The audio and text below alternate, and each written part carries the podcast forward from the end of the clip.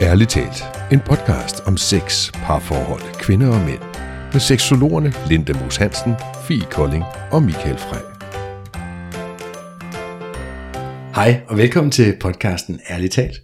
Jeg hedder Michael Frey, og jeg sidder her sammen med Fie Kolding og Linda Moos Hansen. Hej med jer. Hej Michael. Hej med dig, Michael. Hallo. Hej med dig, Fie. Hej Linda. Jeg har jo valgt øh, emnet i dag, mm-hmm.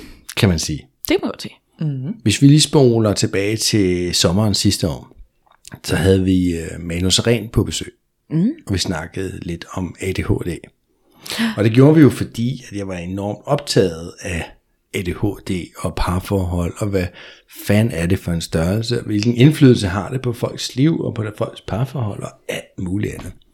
Og det er jo fordi, at dengang var du selv nylig, hvad hedder det? Ny, nydiagnostiseret, Ja, kan man sige det? Ja, det kan man godt. Ja, det er ADHD. det, det hedder. Nyt diagnostiseret. Jeg havde jo den her bog, øh, det her ekskoner fra himlen helvede hørs om, den udkom i slutningen af april måned. Og da jeg skrev den bog, der anede jeg jo ikke noget om, at jeg havde ADHD. Og så har jeg brugt enormt meget tid siden på at tænke over, hvad har det haft af indvirkning på de forhold, jeg har haft? Hvad, hvad, hvad vil det have af indvirkning du ved, på mit liv og mit forhold i fremtiden, og arbejdsmæssigt og alle mulige andre ting. Men i særdeleshed på mit parforhold, ikke? Fordi jeg tænker, jeg, jeg kunne godt se nogle ting, der ville have været anderledes i den bog. Mm-hmm. Eller i mine forhold. Hvis jeg havde vidst, at jeg havde haft ADHD. Og min partner også havde vidst det. Og vel, vi altså, også havde haft lyst til at, at arbejde sammen med mig omkring det. Ja. Fordi der, der er nogle ting, som dukkede op der, hvor jeg tænkte, okay, Nå, det er nok derfor, hun blev træt af mig. nå, og nå, det er nok derfor sådan og sådan. Og nå, det er nok derfor, jeg synes, det var en vældig god idé. At selvfølgelig skal vi have et barn mere, det skal vi da. Det er en pissegod idé, det gør vi. Ja, altså, så det har jeg brugt enormt meget tid på at nørde i øh, siden. Og det resulterer i, at, at her meget snart, så skal jeg jo til eksamen øh, og blive forhåbentlig certificeret parterapeut. Og, øh, og mit emne der, og min, mit speciale er, om du vil, øh, ADHD og parforhold. Ja. Og derfor valgte jeg det som emne i dag. Jeg tænkte, ja, det brænder enormt meget for lige i øjeblikket. og det er vel også at tage det sådan, hvad skal man sige, det dybere i forhold til sådan, jamen hvad kan man gøre? Altså den der sådan mm, mm. meget sådan konkret med nogle værktøjer og redskaber, og til lytterne her også i forhold til, hvad kan man gøre, hvis så man har ADHD? Altså både snakke ind i sådan, hvordan kan man spotte det selvfølgelig, men også hvad man kan gøre ved det. Ja, præcis. Ja, for er der så nogle kerneproblemer, man vil støde ind i, når man det har ADHD og indgår i en Det er der. Altså, der er mange ting, der er ens, kan man sige. Eller der, der, altså, der er ting, der er de samme. Men der er også virkelig mange ting, der er forskellige. Mm. Fra ADHD til ADHD, om du vil. Alle har en eller anden grad af udfordring med, med, med fokus, altså med opmærksomheden på ting. Nogle har øh, problemer med impulskontrol. Nogle mm. har problemer med, øh, hvad hedder sådan noget, følelserne. Altså nogen, altså der, det, fordi, men, men hvordan det udspiller sig, og i hvilken grad, er sådan lidt forskelligt, og meget individuelt, hvordan det kommer til udtryk. Ikke? Og det, det er jo værd at tage med, og jeg tænker, at det er en af de første ting, der er værd at tage med, det er, at, at man i sit parforhold, hvis man ved, at ADHD er der, at anerkende, at det er en ting. Altså, mm. det er noget, der påvirker vores forhold. Ifølge ADHD-foreningen, så er det ikke noget, der, der påvirker de fleste parforhold negativt. Men man, man kan bare heller ikke komme udenom, at der er også en række forhold, som bliver påvirket af det. Mm. Og der har jeg jo selv brugt meget tid på at tænke over, hvordan har det påvirket mine tre ægteskaber. Jeg har flere forhold, forhold end dem, men jeg har været gift tre gange. Og det har også været grund til, at jeg du ved, måske er blevet gift i det hele taget, og tænkte, nej, det skal vi da gøre, det er da skide, det gør vi, det er en god idé. Bliver grebet af en eller anden stemning omkring en, en, en tanke om et stort frieri, eller et eller andet spændende, og så ligesom det, der baner vejen for, ja. skal vi da giftes, det er det, vi skal. Men skal vi så, ja. altså sådan, der snakker du jo lidt ind i det der med, hvad det er. Altså, hvis vi bare sådan helt kort skal sådan, så siger du det noget med at have lidt svært ved at koncentrere sig og holde fokus. Ja, det er, som jeg sagde før, det, det, det er typisk, øh, det, det kommer til udtryk ved, at du har problemer med opmærksomheden. Mm. Øh, nogle gange så er det for lidt. Nogle gange har man for meget. Okay. Paradoxalt nok, så har man evnen til at fokusere alt for meget på et eller andet. Mm. og så er det øh, aktivitetsniveauet, der kan være for lavt. Men det kan også være for højt. Mm-hmm. Det er jo lidt H'et, det står for hyper. Det står jo for uh, Attention Deficit Hyperactivity Disorder. Disorder. Og, og, og øhm, det her med hyperactivity, det kommer sådan til udtryk på forskellige måder. I voksenlivet, der tænker jeg mest, det har noget at gøre med, om man sidder og, og vipper med benet hele tiden, og, og, og trummer med fingrene i bordet, og klasker med et eller andet. Du ved, man hele tiden har et eller andet i bevægelse. Mm. Ja. Når vi kigger på børn, så tænker jeg, det handler enormt meget om, de, de, du ved, de er på væggene, og de er bare over det hele. Ikke? Altså, de er bare virkelig drenge med fart på. Ikke? Ja. Og, og, og det ser man mest hos, hos mænd, hvor det hos kvinder måske er mere udenhået, den, den mere den indre, den stille ADHD, sådan, der, der, hvor der sker en masse ting indvendigt, men det er stadigvæk noget med fokus, det er stadigvæk noget med, med impulskontrol og, og, og holde opmærksomheden på, på ting og sager, ikke? Mm. I, i meget stor, stor stil. Ja. Og kan man sige, det, i, i virkeligheden så er det jo neurotransmitterne inde i hjernen, kan man sige, som er svækket i en eller anden form. Altså det her, de her signaler, der skal sendes fra den ene del af hjernen til den næste, øhm, virker bare ikke lige så godt i folk med ADHD. Mm. Og, der, det kan blive enormt komplekst, hvis man virkelig dykker ned i det. Ikke? Og jeg, jeg, jeg gør mig så meget umage for, altså jeg er jo ikke videnskabsmand, eller læge, eller biolog, eller noget andet. Jeg prøver mm. virkelig bare at forstå det her. Mm. Fordi jeg synes, det er så vigtigt for mig at forstå, hvad fanden det er, der sker derinde. Og jeg er med på, at vi har alle de her neuroner, og inde i, alt inde i hjernen er jo sådan nogle netværk af, af neuroner, som, hvor der sendes små elektroniske signaler fra den ene til den anden. Så når du får en oplevelse, eller du ser noget, tænker noget, whatever, så sker der, så fyres der mønstre af inde i, i hjernen som, som en sindssyg. Og, øhm, og det er så der, hvor kan man sige, transmissionen fra den ene neuron til den anden, jamen, den virker bare ikke lige så godt, som den gør i hos, lad os sige, nu siger jeg i gåsøjne med fingrene her, almindelige mennesker. Mm. Nogle kalder det neotypiske mennesker. Personer i hvert fald, ikke? Altså, der, der, der sker ikke den der, så transmissionen går tabt måske. Og så får man ikke lige de samme signaler frem, som, det kan man sige, den almindelige gør. Mm. Og det, det, det er noget af det, der er vigtigt at forstå, at der er en, en, en neurologisk forklaring. Der sker ligesom noget fysisk. Altså sådan, det er ikke bare noget med, at man er... Ja, man kan sige, at der sker noget fysisk, men i virkeligheden så, så sker der ikke så meget fysisk. så, ja. Men jeg er med på, hvad, hvad, hvad pokker du mener, ikke? Så, så noget er, er, er fælles for alle ADHD'er, men enormt meget er forskelligt. Og det, det, jeg synes også er værd at tage med, det er jo, at alle mennesker vil opleve nogle af de her ting fra tid til anden. Alle kan, kan blive distraheret af et eller andet lyd, eller en ting, der sker udenfor, og alle kan impulsivt gøre et eller andet, ikke? Og alle kan måske på et eller andet tidspunkt være helt vildt flade, og nogen kan være helt vildt høje og fise rundt, uden at man har noget som helst. Altså det kan alle have. Ja. Men jeg synes, det vigtige at fremhæve, det er, at det er bare det her med, med ADHD, de har det bare mere. Nogle de, de siger, at ADHD er ligesom et forstørrelsesglas. Altså du holder hen over, problemerne bliver bare større, du ser det bare mere, det kommer mere og mere og mere ind, altså det sker ikke bare nu og da. Mm. For alle kan have en dårlig dag eller to, men det er ikke alle, der altså, men det bliver du ikke deprimeret af. Alle kan have et par dage, hvor de er oppe og flyve over et eller andet fedt, der er sket i deres liv, men det bliver du ikke hyper af, altså kan man sige. Mm. Så, så det er jo også et spørgsmål hvor meget det sker, og hvor meget det påvirker personens liv, ikke? Ja. Og, og det er bare, tænker jeg, er super vigtigt at tage med ind i sin øh, parforhold. Fordi det der med impulskontrol for eksempel, så kan jeg jo ikke komme udenom, at jeg har haft sindssygt mange kviklån gennem tiden for eksempel. Og når vi har talt om kviklån før, øh, så, det var da så måske derfor, jeg har følt mig ramt på ja. den. Ikke? Nå, fordi jeg tænkte, gud, det har jeg haft masser af. Men nu, jeg har også en forklaring på det, fordi enormt mange ADHD'er er meget impulsive og tænker ikke sindssygt meget over konsekvenserne. Nej. Det fikser vi i morgen. Nu skal vi bare lige have det der, og så skal vi lige have det her ordnet. Bum. Ja. Ikke? Så jeg har haft, jeg har ikke så mange tilbage, jeg har haft mange. Og jeg har haft købt meget shit, og jeg har haft meget gæld, og jeg har haft meget, altså du ved, lortet har bare sejlet, fordi at man ikke tænker sindssygt meget over konsekvenserne. Mm. Og jamen, det, der er en løsning, det skal vi nok finde ud af, ikke så meget. Og det er egentlig stadig den holdning, jeg har. Nu sejler lortet ikke mere, men jeg siger ikke, det, det, det er rosenrødt, men mm. der er styr på det. Heldigvis. Men det er jo noget, der er kommet med årene. Dengang jeg var i mine unge år, hvor jeg var 18 og 19 og 20, var jeg, hold kæft, hvor skyldte jeg mange penge væk til alting, og husleje blev betalt. Nå, men det var, det var al, alle steder, jeg skyldte penge. Altså, det var ja. helt åndssvagt. Jeg tænkte simpelthen ikke over det. Og de tænker, okay, jamen, der er der en okay forklaring. mm. så kan man sige, så de, der er mange mennesker, som, som går hen og får den her diagnose som voksne. Og, og er man i et parforhold, hvor du er både kvinde eller mand, og får den her sene diagnose, så er det jo værd at, at lige kigge tilbage og sige, gud, hvordan, det har i hvert fald været fedt for mig at se. Det er ligesom at få et par briller på, hvor man gået og haft sådan lidt sløret syn, ikke? og lige pludselig får man par briller på, hvor man kan se skarpt, eller sådan en, du ved, sådan en mysterie-novelle, ikke? hvor man når til den sidste side, nå, det var derfor, butleren havde våde hænder. Nå, ja. det giver mening, nu forstår jeg det hele godt. Altså det er sådan, aha, så det er ikke en undskyldning for, hvordan ting er eller noget, men det kan være en virkelig god forklaring. Det er sådan, altså øget selvforståelse, du har fået nu for dit tidligere Ja, jeg. det er det jo.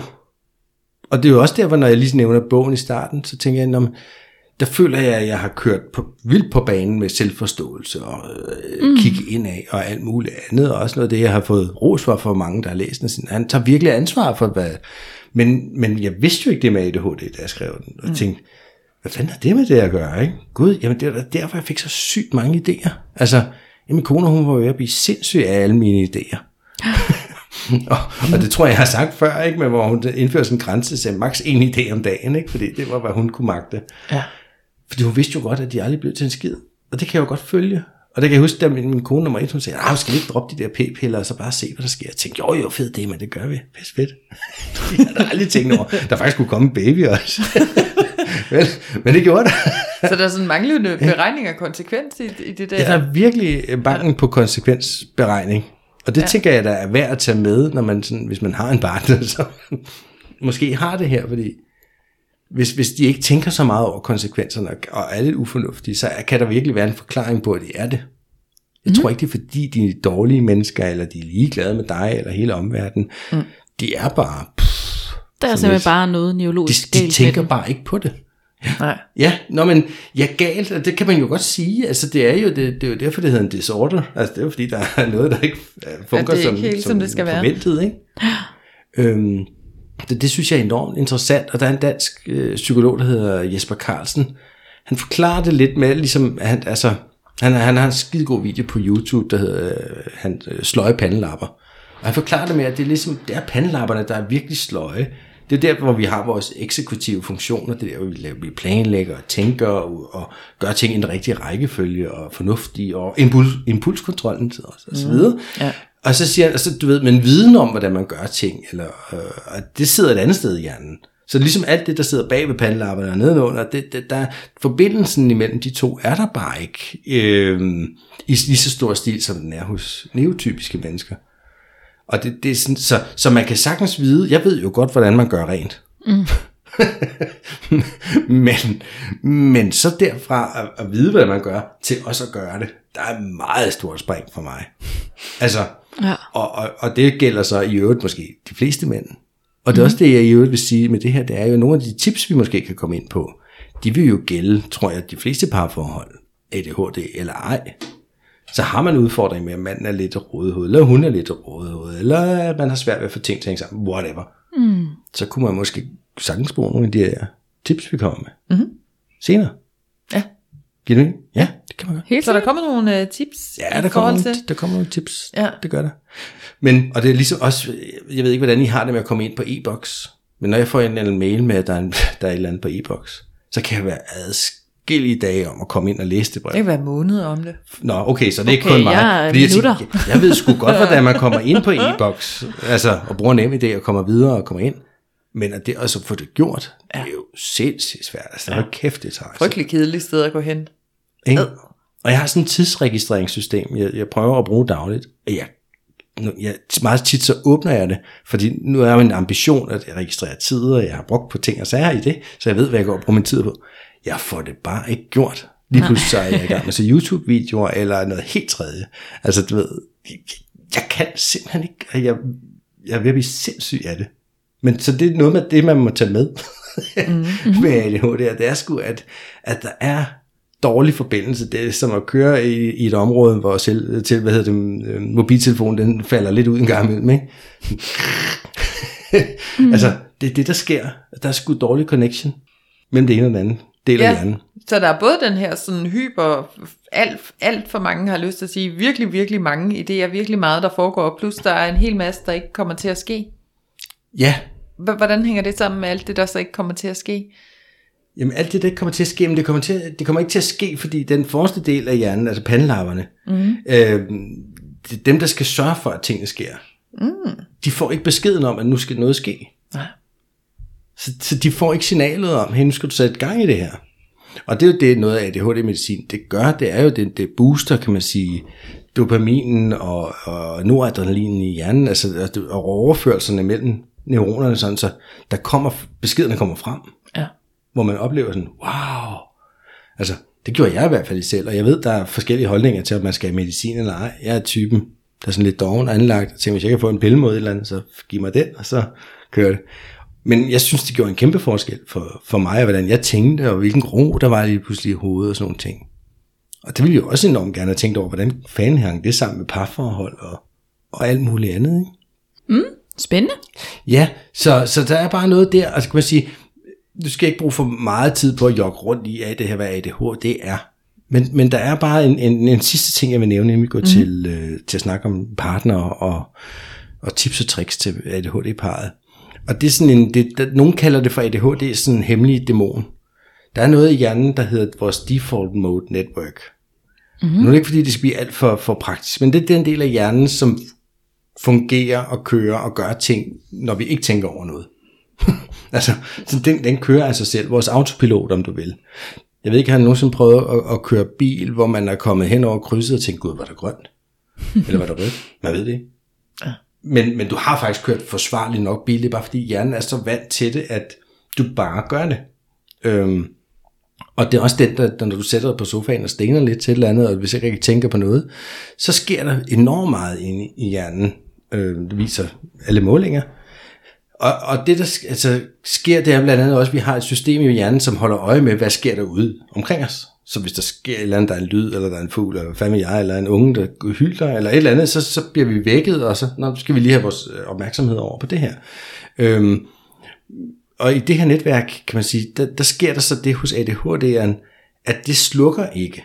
For hos normale, neurotypiske mennesker, når vi går i gang med at koncentrere os om at lave et stykke arbejde, eller udføre en opgave, eller have sex for eksempel, så slukker det her default mode network, for så er der ikke behov for det, fordi vi er i et sted, hvor vi gør noget andet.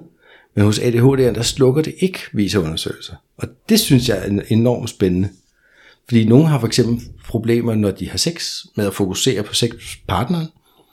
Lige pludselig er deres hjerne i gang med noget andet. Og det resulterer i, at du ved, øh, dilleren er bliver slap, fraværende, eller, og skeden bliver tør, eller hvem det nu er, der får det, ikke også? Så man bliver fraværende, man er lige pludselig et helt andet sted. Og, og kan vide også, hvem der vinder X-Factor. Nå, gud, der sker der også noget derude af vinduet. Nå, men ja. altså, så er man bare et andet sted, ikke? Mm. Og der kan man som par jo have virkelig stor glæde af, at, at lave en aftale omkring, hvordan i talsætter vi det? Mm. Hvis det var mig, der havde det, og, og min partner sagde, "Nå, men hun kunne se, at jeg var væk, så kunne hun sige, hey fister. Altså man kunne, man kunne bare, det behøver ikke være mere, øh, men man bare have et fast måde at adressere det på. Sige, gud, jeg føler lige, du er væk. Og det kan man godt sige på en anden måde, ikke? på en aftalt måde. Og så kan man have også en aftalt øh, strategi til, hvad gør vi så ved det? Skifter vi stilling? Laver vi en drink? Ryger vi en smøg? Hvad fanden gør vi? Altså, hvad, hvad gør vi ved det? Og så mm. vi kan komme tilbage på sporet, fordi nogle partner har det med at tage det enormt personligt. Mm. Gud, han er ikke interesseret i mig mere. Ja. Nå, det er mig, der er noget galt med. Gud, jeg kan ikke ud af det der sex. Nå, men du ved, altså, og det er jo Ja, også noget det frygteligt noget at ligge og- føle. Øhm, men det skal man bare vide som partner, at det, det er så sjældent, det har noget med partneren at gøre. Det er simpelthen fordi hjernen den er vandret afsted på egen hånd. og default mode netværket, der netop er det, der, der kører, når vi altså ikke rigtig tænker over noget, og når vi dagdrømmer, og hvad det ellers er, vi gør. Det kører bare stadigvæk, selvom vi er i gang med sex. Og det synes jeg er enormt interessant at have med, den der vinkel på det. At sige. Der er altså en virkelig, virkelig god forklaring på det. Mm, giver mening. Og jeg ved ikke, om det er bare mig og mit store behov for, kan man sige, at, at have forklaringer, i, i altså halvvidenskabelige forklaringer på, hvad det er, der sker. Men jeg håber også, at, at dem, der lytter med, de sådan, kan få en eller anden glæde af at, at vide, at der er faktisk nogle, nogle ting derop. Og så, så det her med at fokusere, det er ikke et spørgsmål om viljestyrke, eller øh, fordi meget ofte så kan man blive opfattet som værende virkelig doven, eller være virkelig arrogant, eller ligeglad, eller hvad mm, fanden der sker. Ja. Men det er sjældent det, der er tilfældet. mm. I slet ikke det med, at du skal bare tage dig sammen, ikke? Ja, hurra. Jeg skal bare skulle det, og så alle mine projekter var blevet til noget. Hold nu kæft, så har jeg fandme fået lavet mange ting. Altså, mm. for det ved I jo to jo i hvert fald godt, at jeg har jo mange idéer, og jeg har mange projekter, og jeg har mange ting, jeg har sætter i gang. Det er rigtigt. Ja. Så det her med, man, at man finder ud af, at man har den her diagnose, eller man ved, at ens partner har den, kan sådan lidt, skal vi sige undskyld, men altså sådan måske forklare noget adfærd i den anden, uden at man sådan skal pege fingre. Du er også sådan en, der ikke rigtig kan fokusere, eller du er også bare all over the place hele tiden. Være sådan, om du har jo faktisk en, øh, en tilstand i din hjerne, Ja. Jeg kan der gør, det svært at jamen, det er fokusere. det. For jeg kan godt huske, jeg havde, og det var i et af mine øh, ægteskaber, så blev min svigerfar kaldt for doven. Ja. Og øh, grund til, at han sagde det, det var, fordi jeg interesserede mig ikke en skid for at ordne ting derhjemme, eller ude i haven, eller vasketøj, eller noget som helst. Han der ragede mig i fjer. Det var ikke, fordi jeg ikke ved, hvordan man slår græsplænen. Men at gøre det? Nej. det, det, det, det skete bare ikke, vel?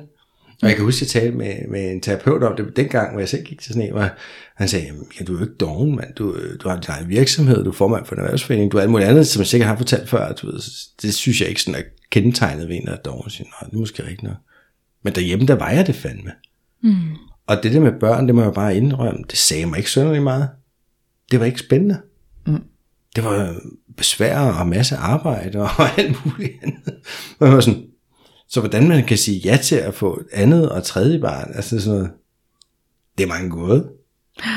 Nu elsker jeg dem alle tre, der er slet ikke noget der, men, men når man sådan lige tænker over det dengang, hvis man var bevidst om, at man egentlig ikke gad det i sit forhold, hvordan fanden kan man så sige ja?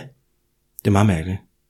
Det kan jo i hvert fald, øh, ja, forklare, kan man sige, den der sådan nogle, nogle beslutninger, man har taget i livet, og nogle valg, man har taget, altså den der sådan, om det så er kviklån, eller få et barn, eller købe et hus, eller øh, købe en eller anden ting, eller altså sådan, ja, det der impulsive. Ja, Ja, så den manglende konsekvensberegning, ja, vi får et barn mere, det, det bliver da sikkert fint nok. Eller det lyder, det vil du gerne skat, så gør vi det. Det, kan- det vil jeg så også. Yes. Ja, ja. Altså, det så man hopper med på nogle ting, man måske ikke rigtig vil, samtidig med, at der er nogle pligter, som man burde gøre, som at slå græsplænen og hjælpe med vasketøjet, når man nu har fået børn og købt et hus med en have, som sådan et, det interesserer mig bare ikke en dyt fis. Det, det deltager jeg simpelthen bare ikke i, for der er min interesse slet ikke. Jeg har ikke noget energi på det. Så der er både sådan den der, om det gør vi bare, sådan jeg tænker mig slet ikke om, og så er der den der, det er jeg overhovedet ikke interesseret i, så det gør jeg slet ikke. Og, men, men der, hvor den bliver svær, ikke også? Fordi det er jo, når man godt ved, at det, det, jo, det ville være en god idé at hjælpe lidt mere til. Det ville være en god idé at sørge for, det ville færre, at, at du tager vasktøjet, jeg tager haven. Ellers, det, altså, det ville være færre at fordele pligterne. Det, ja. Det er totalt fair. Mm-hmm. Det kan jeg sagtens komme frem til sådan rent rationelt. Men derfra så for at, at, at få signalerne sendt videre hen til bandelapserne, der skal sætte gang i, altså også gøre noget. Det er jo det, der ikke sker. Og det er der, jeg, det er der, jeg selv lige nu er sådan, jamen, what the fuck? Altså, det, det er jo, kan det virkelig være sådan, at, øh, at altså, det er jo ikke fordi, det skal være en undskyldning, men igen en forklaring på, altså, hvorfor jeg ikke får gjort de ting, at min hjerne kan simpelthen ikke mønstre nok signaler til at få sendt det derhen, hvor, der, hvor direktøren sidder i kontrolrummet, og der mm. sker noget. Det har jeg svært ved at forstå. Mm. Og det kan jeg også godt forstå, så at andre kan jeg svært ved at forstå, og især partnere og så videre. Men det korte lange er bare, at jeg siger gang på gang ting, som jeg godt ved, jeg skal, og burde, og alt muligt andet. Men der sker nada. Og så laver jeg noget andet. Eller også så er det bare nemmere slet ikke at lave noget. Ja. Men er det så, sofaen, og så er det det. er det bare skidt så at have ADHD eller hvad? Nej, det er det, det er det jo ikke. Det er det jo ikke. Altså, jeg synes jo, der kan være mange fordele ved det. Øhm, fordi, jeg, altså typisk, er- nu prøver jeg at lade være med at tale om mig selv her, ikke? Men, men nu siger jeg bare, at de er jo elskelige og søde og dejlige mennesker, ikke? altså typisk, og, og de kan være sjove og meget livlige, og have en masse initiativ, og have en masse fantasi, og de kan være spontane og, og lave sjove ting og sager, og kreative, og du ved, altså alt muligt. Det er, jo, det er jo dejlige ting, og noget af det, de også kan, det er at, at hyperfokusere. Det tror jeg, vi kort var inde på lige tidligere, hvor man kan have for meget fokus på noget. Ja. Altså, hvor man, hvis, hvis, hvis noget er, er nyt, eller spændende, eller farligt, eller tidskritisk, for eksempel, så, så kan vi jo alligevel godt mønstre energien til at få gjort tingene. Altså signaler nok i hjernen til, at nu gør vi det så. Og det er jo, det er jo derfor, det er også meget klassisk ved, ved skolearbejde eller opgaver på arbejdet, at de bliver ikke lavet før dagen før. Vel, altså, mm. det bliver de ikke. Du kan have tre måneder, og så bliver de alligevel først lavet i aller sidste øjeblik. Men det er jo fordi, at der skal være den her sense of urgency, at der skal være sådan en følelse af, at det, det brænder nu. jeg dør fandme, hvis jeg ikke får det gjort, ikke? Bum, så kan man godt mønstre fokus til at få gjort noget. Og det er jo så der, en af styrkerne for ADHD ligger, så kan de få lavet enormt meget på meget kort tid, hvis det er mm. tidskritisk, hvis det er nyt, spændende eller farligt. Ja. Bare som nogen, ikke? Altså det er sådan noget, det skal have en særlig nyhedsværdi, og det skal være noget, man synes, der er spændende. Og det kan jeg jo godt se hos mig selv, at, at jeg får jo voldsomt mange idéer. I ved også godt, at nogle af dem kan jeg få til at se ud til at blive til noget på meget kort tid. Mm. Men så forsvinder puh, øh, gejsten, drivet, ja. fordi jeg undervejs får en ny idé. Mm. Og den er, sådan, ej, og det er jo bare så meget mere spændende end den gamle idé. Altså hvis jeg får lavet den, så giver alt andet sig selv. Altså den, den følelse har jeg haft så mange gange. Og det må da drive en hver partner til vanvid, at, at der er en eller anden kanut der, som jeg aldrig får gjort noget færdigt. Prøv at forestille dig, at jeg kunne noget med håndværk. Altså det kan jeg heldigvis ikke, jeg har 10 tomfingre. Men så har jeg jo startet med at bygge 100 forskellige ting. Ja. Ikke? Og de var aldrig blevet færdige af det. Det havde hele huset og haven og hele, der sikkert været en stor øh, losseplads ikke? af ting af halvfærdige projekter. Ja. Der kan også være den der, hvis man sådan hele tiden får en god idé til, hvad vi skal i parforholdet. Så skal vi gøre sådan, eller så skal vi tage ud på den her rejse, eller så skal vi gøre et eller andet, og man som partner tænker, den støtter jeg med op om. Ja, så er det det, vi gør. Og så går der ikke særlig lang tid, og så er det pludselig ikke det, vi gør, for så er du hoppet videre til noget andet. Og så står jeg alene med din idé, og tænker, Nå, men så den næste idé, det virker som om, det er den, der er den allerbedste i verden. Så går jeg med på den, og så går der heller ikke så lang tid, så er det heller ikke det længere. Så, så som partner kan det jo også blive sådan enormt frustrerende sådan hele tiden, at skulle hoppe med på din idé galej af, hvad der lige er hot lige nu. Og man sådan selv får mønstret noget energi på, Nå, så er det det, vi gør. Og nå, så er det sgu ikke det, vi gjorde alligevel. Jamen ja, det Altså man skal jo sådan enormt råbe, altså enten skal man være sådan en, der forstår at tøjle sin partner, tænker jeg måske. Det ved jeg ikke, om du fortæller mere om, eller sådan have den der sådan overbærenhed og forståelse for, at Nå, men så skifter vi bare spor igen. Eller, Altså, når du siger forstår at tøjle sin partner, så får det sådan en halv negativ Nå, klang i, ja. i, i mine ører, ikke? det ved jeg ikke, men altså måske lade være med at hoppe med på alle idéerne selv i hvert Ja, fald. det behøver så. man måske ikke. ikke følelsesmæssigt. Nej, Altså, fordi så det, man bliver det kan blive skuffet. sådan, hele tiden blive en skuffelse Ja. nemlig. Det der, når nu troede jeg, det var det, vi gjorde, når det var det så ikke, nå, så skal jeg til at sætte mig op til noget helt andet, som er det, vi, nå, det var det heller ikke. Nå, s- altså, så, så kan du jo sådan hele tiden få startet dig selv op og være med på din gode idé. At jeg, jeg er din partner nu, jeg er med på din gode idé, nå, men så pludselig så var den ikke god længere. Ja. Men nu havde jeg jo bygget al min energi op på, at det var den gode idé. Ja. Altså, det Og tænker så var det lige pludselig andet. Ja, Ja, det er bare så surt. Og det er jo frustrerende. Altså, nu siger du tøjle, med, jeg forstår, hvad du mener. Og jeg tænker, at det handler jo om at få adresseret, kan man sige, de udfordringer, der trods alt er. Og, mm. og sammen få anerkendt, ja, det er en ting, den her ting kunne meget vel være en ADHD-ting. Hvordan deler vi så med den i fremtiden? Mm-hmm. Så, så det gang, hvor jeg tænkte, min, hvor min kone nummer to der kom og sagde, kun en, en ny idé om dagen. Det var i virkeligheden jo ikke den dårligste idé i verden at sige sådan. nej. Fordi det, det, ja, det tog jeg faktisk til mig. Og kom kun med en om dagen. Og nogle dage kom der slet ikke nogen, skal jeg sige. Det var ikke sådan, jeg havde 365 nye idéer om, om året, vel? Mm-hmm. Men jeg havde jo fandme mange. Altså, øhm, fordi hvis jeg først får en ny idé på noget, så, så afføder det typisk også en to-tre andre idéer. Og, du ved, og så kan det jo også hos mig nemt gøre, at jeg så ikke kan overskue, hvad for en af dem skal jeg så starte med. Mm. Og så nogle gange, så er der bare så meget ind i hovedet, at det er nemmere slet ikke at gøre noget. Så er det nemmere at lægge sig på sofaen. Ja. Og ikke gøre en skid. Altså helt i den modsatte grøft. Ja. og det er også noget, det ADHD, jeg kan. Det er så ikke det, jeg ser som styrke, men de kan have lidt svært ved at regulere følelserne. Og man kan have meget nemt ved at switche fra, fra, fra et gear til et andet, eller fra høj til lav, eller altså, du ved, sådan, puh, hvad skete der der? Nu var han lige pisse godt humør, nu var han pisse nederen lige pludselig. ja. Det synes jeg ikke selv, jeg har sådan er ramt af, men det, det er der mange ADHD'er, der er. Og det der med regulering af, af følelser, og ligesom få dem kontrolleret og styret, og føle sig tryg, eller hvad det nu er, man har behov for, det kan godt være sådan en, en udfordring. Og så er det det der med opmærksomheden, der med, altså hvis man som partner har en ADHD-partner, så kan jeg da godt forstå, hvis man ikke synes, det er så fedt, hvis det hele tiden ser ud som om, han altid er optaget af noget andet end dig. Mm. Det, det må da være mega nederen. Ja.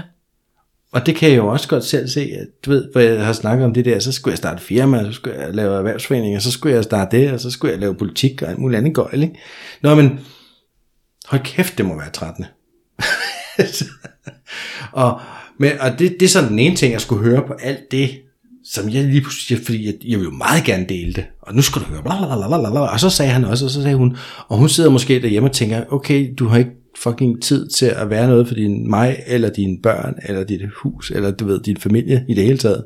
Og så tror, tænker du, at jeg skal sidde og høre bare alt det crap om alt muligt andet. Når jeg rationelt lige tænker efter nu og ser tilbage, så kan jeg tænke, så må jeg, vil jeg tro, det er det, hun har tænkt. Ja. Men det har aldrig slået mig en eneste gang, kan jeg bare altid sige, at det skulle have været sådan før nu. Hvor jeg har fået den her vidsthed og, og, og, og kigget ind i det. Hvad fanden har det betydet? Jeg har aldrig tænkt over det. Og det synes jeg jo også er værd at tage med. Både ADHD'eren skal selvfølgelig tage sit ansvar for at dele med sine ting. Og partneren skal bliver nødt til at indse, at de er også en del af løsningen og en del af arbejdet. Man er begge to nødt til at tage ansvaret for, at der sker noget øh, med det her. Ikke? Så det er bare en af tingene i hvert fald. Mm. Øhm, og så synes jeg også, der kan, man kan opleve, kan man sige, at sexlivet, det kan være sådan lidt ulige lyst, for eksempel, kunne være en ting. Men, men det ved vi jo godt alle tre, at det sker også i alle andre parforhold. Ja.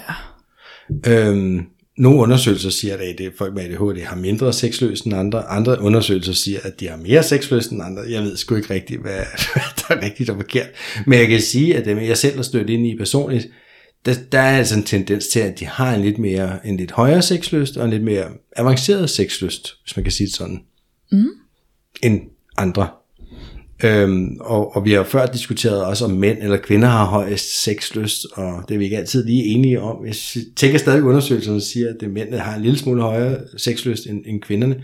Så et forhold, hvor lad os sige, hvor kvinden måske har ADHD eller ADD, kan være ret fedt til at matche en mandens måske en lille smule højere sexlyst, fordi de, de kunne være et rigtig godt par. Men altså, er det ikke sådan, man er skruet sammen, så skal man jo ikke gå, gå grædende hjem over det, vel? Man må bare tage ansvaret for, for sin sexlyst og for sin lyst i det hele taget. Det kan vi måske komme tilbage til. Mm. Hvordan man kan gøre det. Men noget af det, jeg synes, det så også er vigtigt, det er, at, at, at jeg lavede sådan en, øh, en undersøgelse i forbindelse med min opgave på, på parterapeut-studiet der, og øh, fik en, en masse svar fra en masse dejlige mennesker øh, på meget kort tid, og det var helt fantastisk.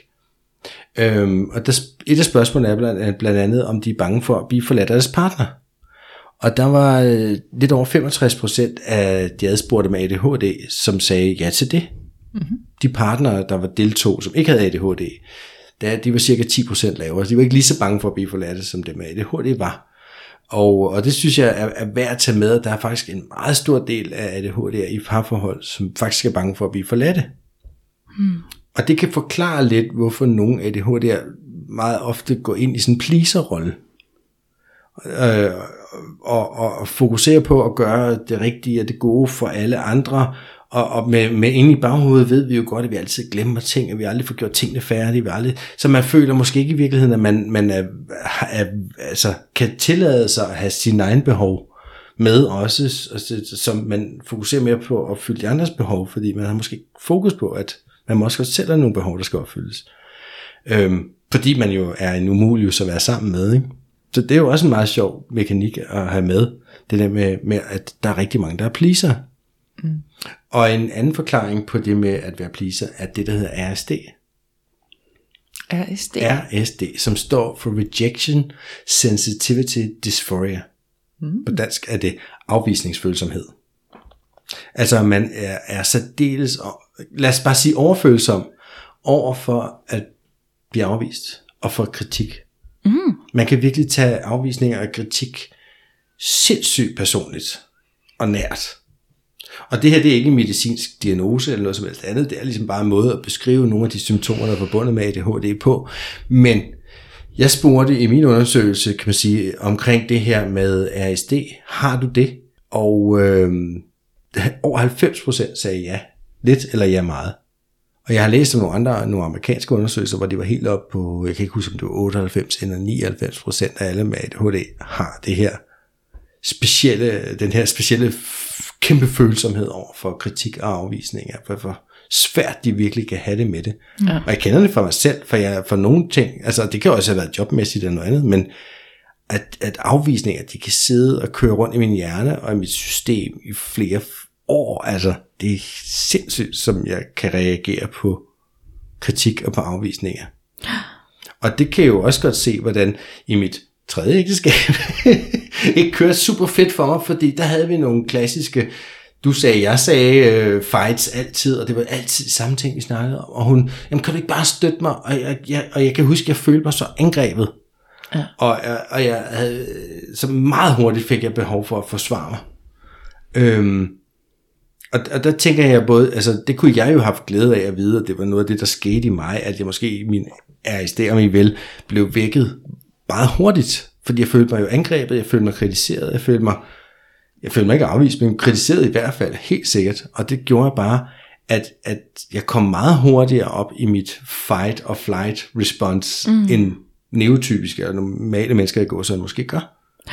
Så min båndbredde lige der på, på, på den slags ting er ikke super bred, mm. har jeg fundet ud af. Mm. Og det synes jeg også har været sådan lidt en øjenåbner. Det var jeg, når jeg tænker nu, så er jeg egentlig godt klar over det. Men jeg har jo aldrig sat det i det lys og tænkt over det på den måde, mm. at afvisninger og sådan noget, det er sindssygt svært. Og det er jo også det, der er værd at tænke over, når vi snakker sexliv i parforholdet.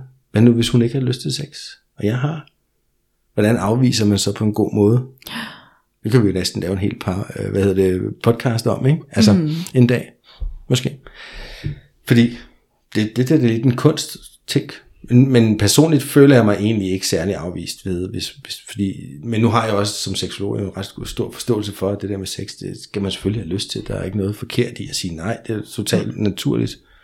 Men hvordan kunne man afvise? Altså hvis vi sådan bare lige skal alligevel Jo, men så den, den meget hurtige kunne jo være ved at, at give et, et, et modebud og sige, men, men jeg kunne godt være med på, at øh, jeg vil gerne se, mens du spiller den af.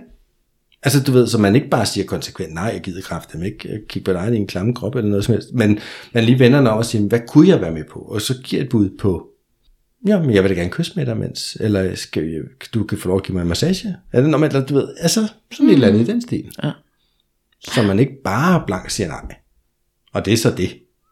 Fordi det har jeg der mange klienter i min butik, der kommer med, og de, de er i det her, sexlivet gået stå, og de føler sig afvist, når de prøver, og det ene med det andet, og så, så lader de være, og du ved, det, giver, det er bare en dårlig, altså det, må I, det har I sikkert også helt sikkert haft klienter med det her, ikke? Afvisning er bare brudt, altså. Ja, det er svært. Og det er jo så der, hvor man skal tænke, okay, hvis, man, hvis, hvis afvisningerne er svære i sig selv, og vi har bare, en, at der kan være en lille smule sandhed i, at dem med ADHD, de måske bare lige føler det endnu værre. mm. Jamen, så er det jo ikke særlig fedt. Men det er det bare ikke. Og det er bare værd at tænke over. Mm. Og tilrettelægge sådan, hvad man nu engang gør, ud fra den viden. Mm. Men, og nu, men nogle af de ting, jeg lige har fortalt jer, vil, vil I kunne have en partner, som havde ADHD? Jeg var ikke i gang med at sælge mig selv, men helt generelt spørgsmål. Ja. Altså man kan sige, jeg er jo nok meget modsat en med ADHD. altså Ja. jeg er jo sådan enormt meget kontrol og styr på tingene, og velovervejet og reflekterende, og altså sådan virkelig den der sådan, okay, hvad kan konsekvensen være af det her? Øhm, så jeg tror da helt sikkert, at jeg vil opleve udfordringer med at skulle være sammen med en, som ikke tænkte langsigtet, som ikke, hvad skal man sige, kunne være nu siger jeg sådan i godsøjne, ordentlig nærværende med mig. Altså mm. sådan, fordi jeg er et enormt nærværende menneske. Øhm, så, så på den måde tror jeg da helt sikkert, at jeg vil være enormt udfordret. Men så kan man jo så snakke omkring, hvis, hvad skal man sige, hvis kemien er der, så det at man kan, hvad skal man sige, have bevidstheden omkring, at, at hvad skal man sige, det er ikke fordi, han ikke har lyst til at være nærværende med mig. Det er simpelthen bare fordi, han skal have lidt hjælp, og lige påmindes om at komme tilbage i nærværet, hvis tankerne flyver, eller hvad skal man sige, at han ikke skal have stå for vores økonomi, eller et eller Ja, andet, for altså den der sådan, at, Ja. ja. ligesom arbejde med det.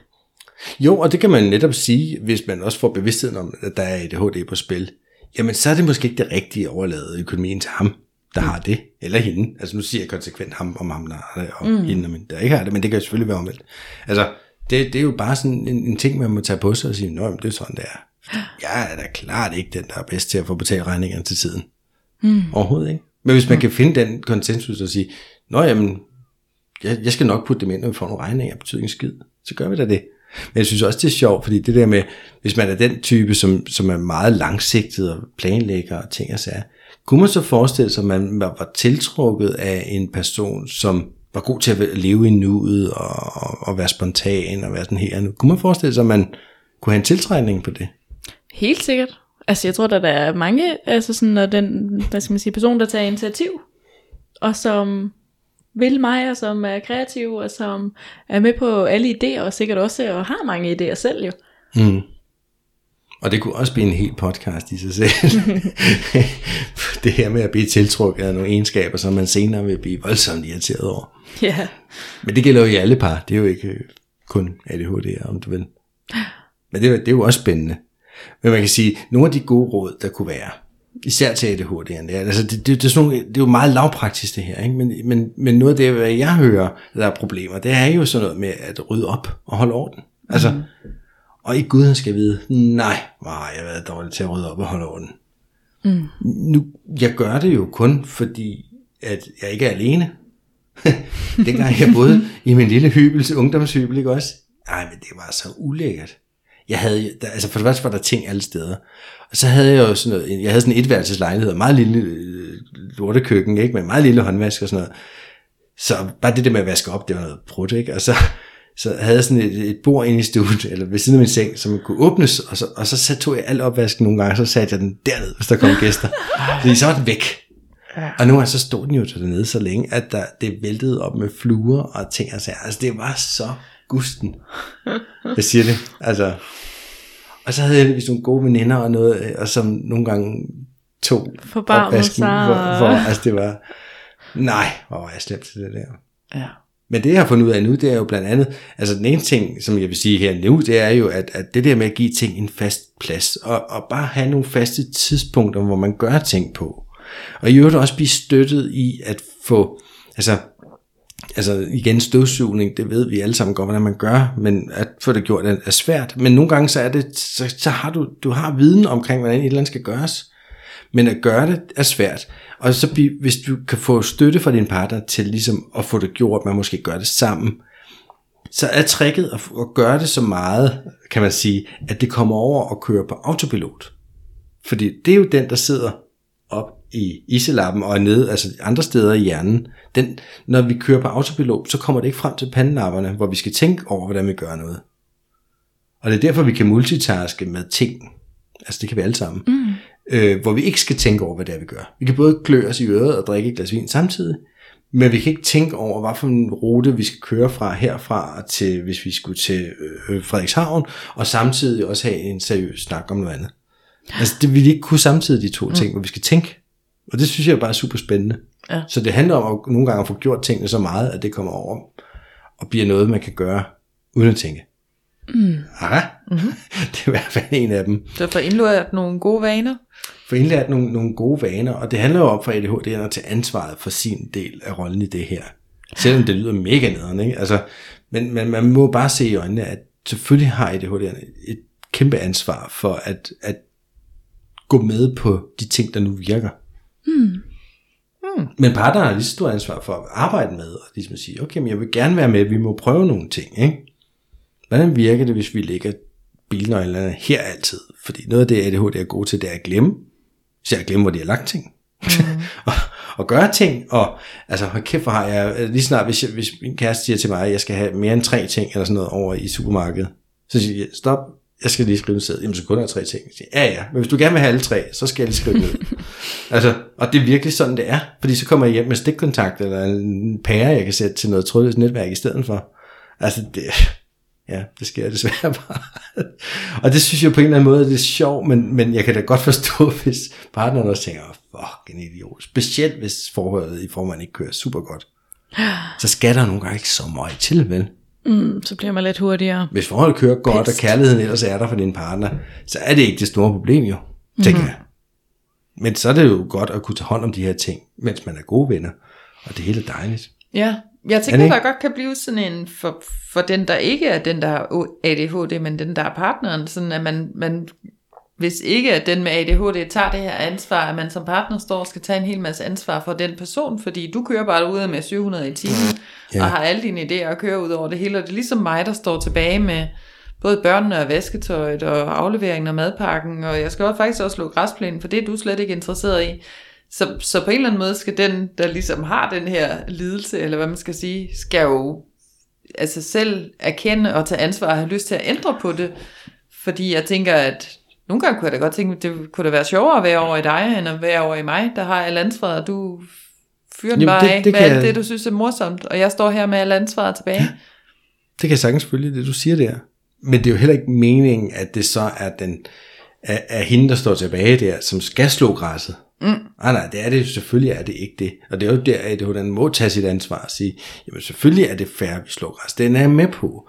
Men hvordan får jeg så taget mig sammen til kedelige opgaver? Mm. Jamen det kunne jo netop være ved at bruge den her teknik omkring, jamen vi bryder den ned i små bidder. Mm. Vi siger, okay, nu kører vi i 20 minutter, og så holder vi 5 minutters pause. Eller vi kører i 25 minutter og holder 5 minutters pause. Noget, hvad, hvad det lige passer. Øhm, og bryder det ned i de her mindre bidder, for så kommer man alligevel i gang, og så man, når man er halvvejs, så er der alligevel ikke ret lang tid tilbage, og så kan man lige godt fortsætte. Og nu har jeg jo committet mig til at sætte tiden af. Det Okay, ja, så kan jeg gøre det. Fedt nok. Ja. Og så får man brugt de 20-25 minutter. Og en ADHD på speed, skulle jeg til at sige, altså der, der gør noget, kan sgu komme langt på 25 minutter med noget. Ja. Og så kan man lige, og så ved man, "Nå, så har jeg lige en pause. Ah, hvor er det fedt, og så kan vi lige... Og så gør man måske det en 3-4 gange, og så har man måske en længere pause, og det kan også være, at der venter en belønning, hvad ved jeg, til sidst. Og det kan hurtigt lyde som om, at det er et lille barn, man har med at gøre, og den er jeg med på. Men man må bare sige, hvis det er det, der skal til, for det virker, er det så ikke værd at se stort på det. Fordi i mange forhold er det virkelig sådan, den voksne bliver set som at være den, der er ikke ADHD'eren. Mm. Altså det er den ansvarlige voksne, og så er det uregerlige barn, det er ADHD'eren. Ikke? Ja. Så jeg forstår godt det, du sagde før, den der. Ja. Altså, det, er sådan, fordi, øh, det er meget det, der sker. Og det er sådan meget, det bliver set. Men, man må selv, man må, men der, hvor man skal være sammen, det er om at, at finde de her løsninger på de ting. Hvordan får vi så øh, taget hul på opgaver, som du synes, der er kedelige? For det er din opgave. Altså, ja, det er min opgave. Ja. Det skal vi ikke komme ud af, ikke sådan, den anden skal lave det hele. Men vi må tage fat på, hvordan får vi det så gjort. Mm. Og det kan jo også bare være sådan noget simpelt som at sætte en tavle op. Altså en white, lille whiteboard med nogle magneter, eller sådan en, sådan en du kan sætte nogle knapper i, ikke? Nogle gule lapper eller et eller andet. Så man netop får sat op, hvad det er, du gerne vil have, den anden skal huske. Ja. Fordi jeg har da også haft mange par hos mig, hvor hun er så træt af, at ham der, han altid glemmer alting. Det er ikke et ADHD-par, det her. Det er bare mænd generelt. Heller ikke skide, skide gode altid til at huske ting, vel? Og nogle er er, og nogle er ikke, og det er, hvad det er. Men, men, og det er der, hvis man bare ikke af en eller anden grund ikke er så god til at huske sine ting, så skriv dem for fanden ned. Og der synes jeg godt, man som partner kan, kan forventes at deltage i det arbejde. Fordi nogen kunne gå og sige, om det man da gør selv, det er jo hans problem. Ja, men, men, men så har du også lidt givet op, føler jeg, at hvis man siger det, altså, så, så, så er man ikke en del af løsningen jo. Fordi hvis han bare kunne det, så havde han jo gjort det. Altså, Mm, det der med ja. sådan at huske, at det ikke er en ond hensigt fra hans ja, side af. præcis. Altså, at det jo reelt er et kald efter noget hjælp. Ja, og det, det er det jo, men jeg tror, det er det, uden at han selv er klar over det. Han ved ikke jo i virkeligheden, at, altså han ved godt, det er et problem, men han er ikke klar over, hvor stort det er. altså det, det er sådan virkelig mærkeligt, ikke? Så det, det ved jeg ikke, om det kan bruges til noget, men, men det er jo sådan en ting, ikke? Mm. Noget, der er værd at vide om ADHD, er også, at de, de lad os sige sidst på en dag, hvor de er blevet bombarderet med, med indtryk, og default mode networket er ikke slået fra på noget tidspunkt. Så vi, og det er en af grundene til, hvis, hvor, jeg tror, vi i den episode med, med Manu Saren snakkede om, at altså, der var kørt mange spor samtidig. Og det er jo lidt det, der sker, fordi de dele af hjernen, der skulle slå fra og holde fokus og sådan ting, det gør de ikke. Og derfor sker der meget ekstra derinde, ja. og så kommer man hjem, og så kan man måske føle sig enormt overstimuleret. Og det har jeg mærket personligt selv mange gange, uden at vide præcis, hvad det var. Men hvor jeg bare kan mærke, at jeg, jeg, jeg gider ikke nogen dårlige kommentarer, eller sjove kommentarer. Jeg har ikke lyst til at blive rørt ved. Jeg har faktisk slet ikke lyst til opmærksomhed. Jeg har faktisk slet ikke lyst til en skid. Jeg vil bare gerne være mig selv, mm. og kunne få lov at lægge med tæppet, tæppet over, hævet op over ørerne, og, og, og Netflix-kørende, eller et eller andet. Så jeg har prøvet så mange gange, men jeg har ikke været klar over, sådan, hvad det var. Og, og det kan jeg jo se, når det sker, så, eller, så kan partneren måske godt tro, at det er hende, der er noget galt med. Mm. Det er hende, du ikke har lyst til at være sammen med. Og det er det jo ikke. Overhovedet ikke. Det er mig, som er fyldt helt op til randen af noget andet. Og jeg er nødt til at have tid til at få det bearbejdet og få det lukket ud. Og, og få, lad sige, mit nervesystem falde til ro. Og så jeg kan komme ud og sige, Nå, har du haft en god dag? Ja. Så det, det skal man vide også som partner, der er ikke noget galt med dig. Ikke nødvendigvis i hvert fald, det kan det jo godt være. Men som udgangspunkt, så er det jo ikke det, der er galt. Mm. Så er det simpelthen bare din ADHD, som er fyldt op til randen af alt muligt gøjl, ikke? Og det er værd at tage med og at kommunikere, at det er der, sådan så du kan tage afstand fra den dag, der har fyldt dig op. Og give dig selv fri rum, gå en tur i, i naturen, eller se noget Netflix, eller hvad der virker, ikke? Det må man gerne gøre. Og så skal man kigge lidt på, jamen, hvad er det for nogle udfordringer, der rammer vores parforhold? Det tænker jeg jo, alle par kan have glæde af. At kigge på, hvad er det for nogle udfordringer, vi har. Ja. Man kan jo lave en liste. Og så kan man måske kigge på, jamen, hvad for nogle af dem, altså er det ADHD-relaterede ting, kunne vi forestille os, det var det? Ja, det kunne vi måske godt, og, og hvis det ikke er det, så kunne man sikkert godt bruge den her øh, tanke alligevel. Fordi den liste kunne man måske lave om til et schema, så man har skrevet dem nedad, så kunne man lige udvide og lave et, et lille schema ud af det, ikke? Som, som, hvor partneren kan sætte nogle ord på og sige, jamen, øh, hvad for en følelse giver det mig, og hvad har jeg behov for? Det har vi jo snakket om mange gange før, ja. det der med, hvad føler jeg, hvad har jeg behov for. Og det kan man jo også godt sige på, hvis det for eksempel ADHD'erne virker som om, at han er interesseret i alt muligt andet end partneren. Jamen, hvad er det så for en følelse, hun får? Jamen, hun føler sig måske overset. Hmm. Øh, hvad har hun behov for? Hun har behov for opmærksomhed. Hun har opmærksomhed for at mærke, om han tid sammen, for eksempel. Så det, jeg vil have den sidste kolonne af det her schema, det er, hvad for nogle muligheder kan vi så præsentere. Så man kan sige, skal vi ikke gå en tur sammen?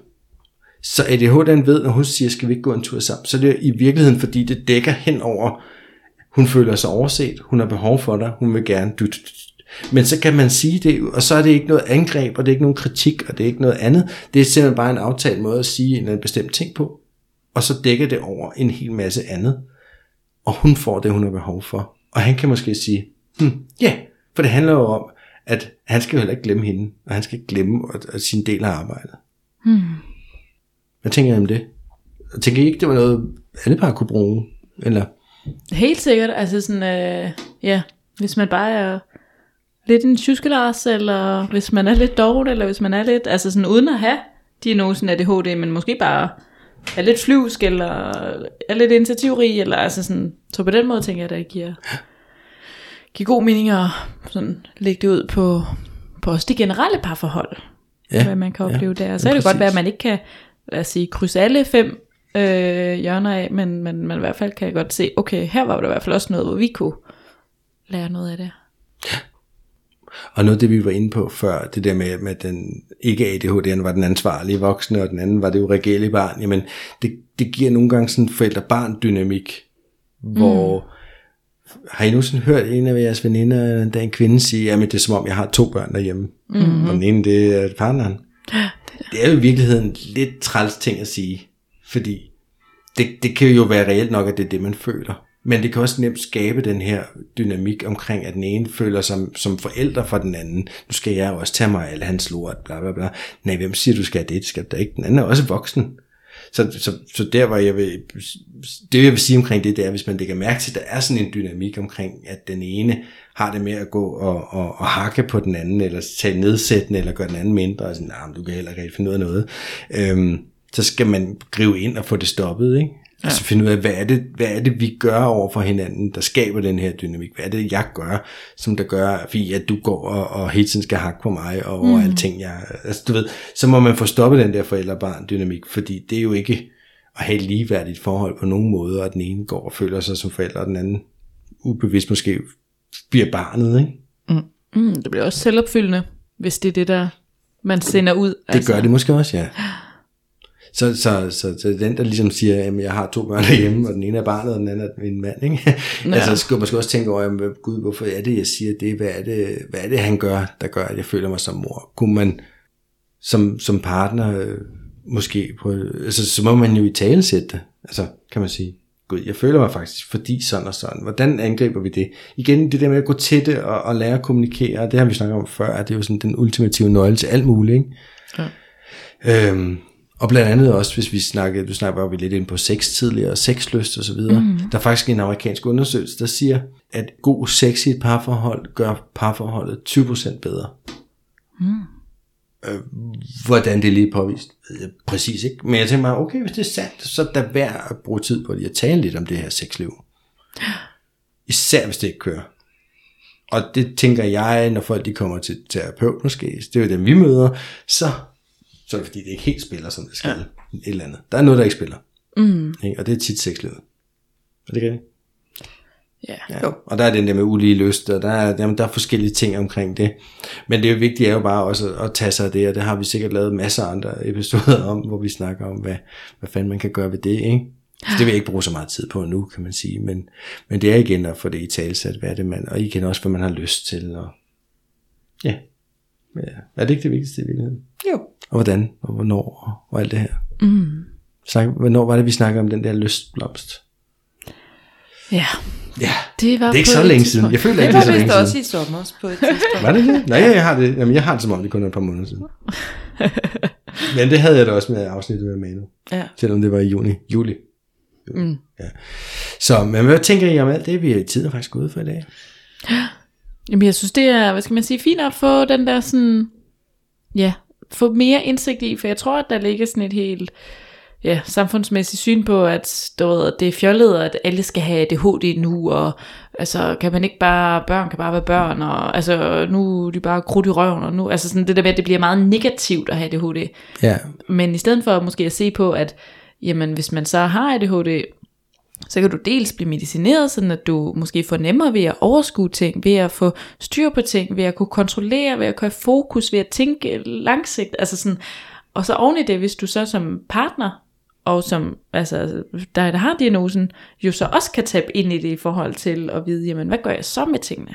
Ja. Tænker jeg er super vigtigt at, at få spredt det budskab, fordi at samtidig sidder jeg også og tænker nu sådan, åh, det der med, åh, og ikke kan være nærværende, åh, det kender jeg godt nok også, og dem har jeg også prøvet, åh, den er sådan, altså så er jeg jo sagtens sådan genkende elementer i mange mennesker, altså både sådan tidligere partnere og, venner og så videre, Ja. så der jo helt sikkert er, er meget, hvad skal man sige, nytte at tage med, selvom man ikke har diagnosen. Altså, men, men simpelthen fordi, at, at det jo også er værktøjer til at hjælpe den vej omkring. det er en god måde at se det på. Tak. Selv. Selv. Selv tak. Selv tak. Ikke? Så, så, så det er det her med at, at sexlyst i hvert fald, det vil jeg bare sige, planlagt sex er bedre end ingen sex. Jeg møder mange klienter, der har en lidt modstand på det der med at planlægge sex. Jamen, er onsdag aften? Sådan, altså, folk griner lidt af det, og sådan, ah, men det skal jo ske spontant. Ja, hurra. Men efter 15 år i parforhold, og hvor længe man nu har været sammen, så det, der skete helt af sig selv, du ved, hvor vi bollede som kaniner med, med hjælp fra biologien, den er jo slut, altså den tid. Mm. Så det, der sker sig selv, det er sket. så, så resten, det bliver nødt til at være en beslutning om, at vi gerne vil det. Ikke? Mm, ja. Og så, så tager der for pokker en beslutning om at bare planlægge en aften, hvor man bare er intime, og hygger sig sammen, og så se, om det kan føre til noget mere. Ja. Ja, det var det, jeg gerne ville slutte med. Det var en god afslutning. Så Men tak for at gøre os kloge, Michael. Ja, tusind Jamen, jeg håber, I, I lærte lidt. Altså, det, jeg, jeg, jeg brænder meget for at dele det her med folk, som I måske kan høre. Og, mm-hmm. og nu skal jeg også til eksamen i det og så videre, og har skrevet opgaver om det og alt muligt andet. Så, så jeg håber på, at der bliver rig lejlighed til at komme ud med de her ting. Det tænker jeg.